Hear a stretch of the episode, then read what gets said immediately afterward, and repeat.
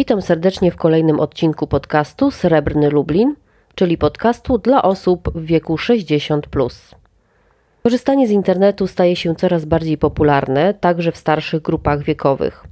Sprzyja temu obecna sytuacja epidemiczna, która mocno ogranicza kontakty twarzą w twarz. Z pomocą przychodzą nam internet, aplikacje i programy do komunikacji, jak na przykład Messenger, ale także inne komunikatory. Dzięki nim możemy kontaktować się z rodziną, przyjaciółmi oraz znajomymi na odległość, i to jest ta dobra strona. Niestety, korzystanie z mediów społecznościowych ma także swoje ciemne strony, i jedną z nich jest narażenie na fake newsy, które będą tematem dzisiejszego odcinka podcastu. Zapraszam. Czym jest fake news? Nazwa ta pochodzi z języka angielskiego i oznacza fałszywą informację, fałszywą wiadomość. Są to treści, które wyglądają jak ważna informacja, ale no nie są.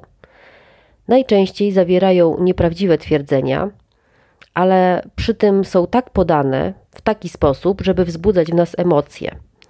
I to emocje takie jak strach, lęk czy oburzenie. Człowiek działa tak, że jest szczególnie wrażliwy na treści, które mogą ostrzegać go przed zagrożeniem ze środowiska. I twórcy fake newsów wykorzystują ten mechanizm.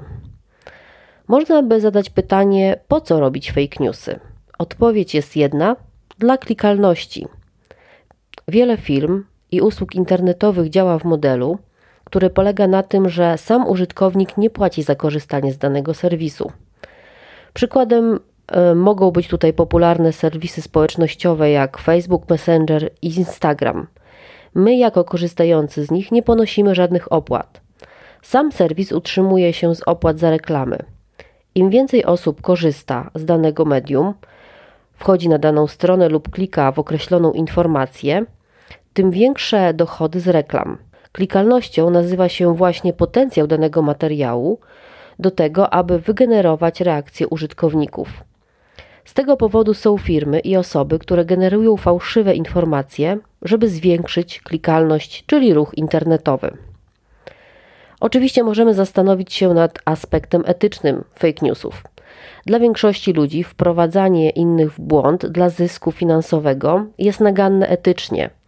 Jednak twórcy tego typu treści wydają się nie mieć takiego dylematu. Przykładowe fake newsy. Fale elektromagnetyczne są przyczyną wszystkich epidemii. Jest to teoria spiskowa, prezentowana przez zawieszonego w wykonywaniu zawodu amerykańskiego lekarza, który zestawia ze sobą epidemię chorób zakaźnych i rozwój technologii takich jak radio czy telewizja. Z fake newsem tym rozprawiał się serwis demagog.org.pl. I teraz pozwolę sobie zacytować część materiału dotyczącego tego fake newsa. Pandemia grypy hiszpanki i radio. Pandemia hiszpańki wybuchła w 1918 roku w Stanach Zjednoczonych. W tamtym czasie nie wiedziano o tym, że za zachorowania odpowiedzialny był wirus. Potwierdzenie tego faktu udało się jednak uzyskać w późniejszych badaniach nad genomem patogenu.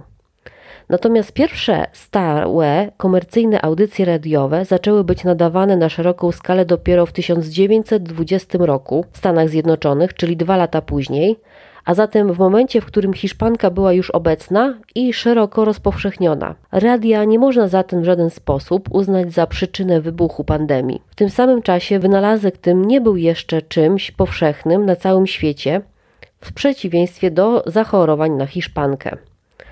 Pandemia koronawirusa SARS-CoV-2 i technologia 5G.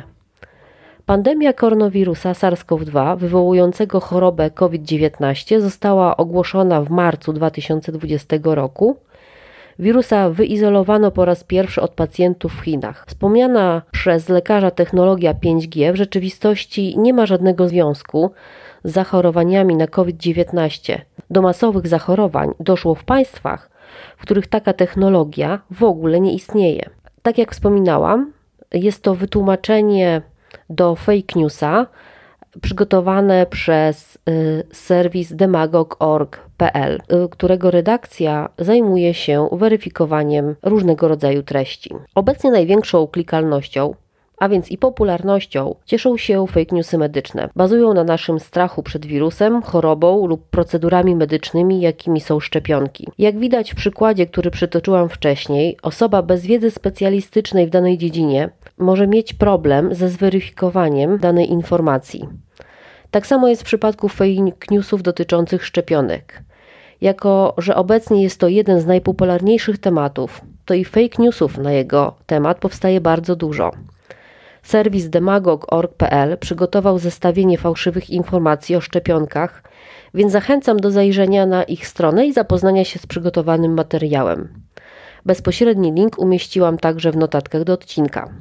Co ważne, w materiale nie są tylko wyliczone fałszywe twierdzenia, ale też zostały wskazane błędy i manipulacje, na których bazują. Media społecznościowe sprzyjają fake newsom, bo są najłatwiejszym sposobem ich rozpowszechniania. Dodatkowo powodują, że użytkownicy znajdują się w tzw. Tak bańkach informacyjnych, czyli pokazują nam informacje podobne do tych, które już kiedyś nas zainteresowały. Jeśli polubię jeden z fake newsów, to wzrasta prawdopodobieństwo, że Facebook będzie pokazywał mi ich więcej, a nie będę miała okazji zobaczyć rozsądnych informacji z drugiej strony. Jak chronić się przed fałszywymi informacjami? Po pierwsze, nie wierzyć we wszystko, co zostało napisane w internecie. Bądźmy sceptyczni. Powinniśmy szczególnie mieć się na baczności, jeśli widzimy, że jakiś materiał wzbudza w nas oburzenie, strach, lęk, zwiększa się e, jego prawdopodobieństwo na to, że może być fake newsem. Warto weryfikować źródła informacji oraz osoby, które przytaczają dane informacje.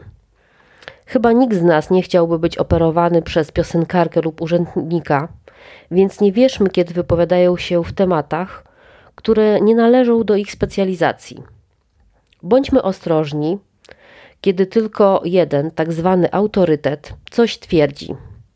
Specjaliści to także tylko ludzie i mogą się mylić, manipulować lub odwoływać się do przedawnionej już wiedzy.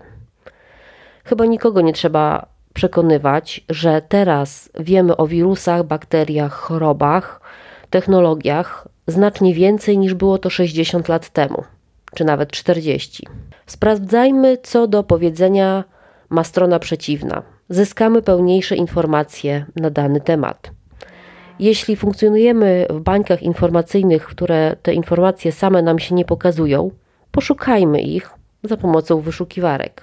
Jeżeli nie czujemy się na siłach sami sprawdzać informacje, korzystajmy z serwisów, które weryfikują informacje w sieci.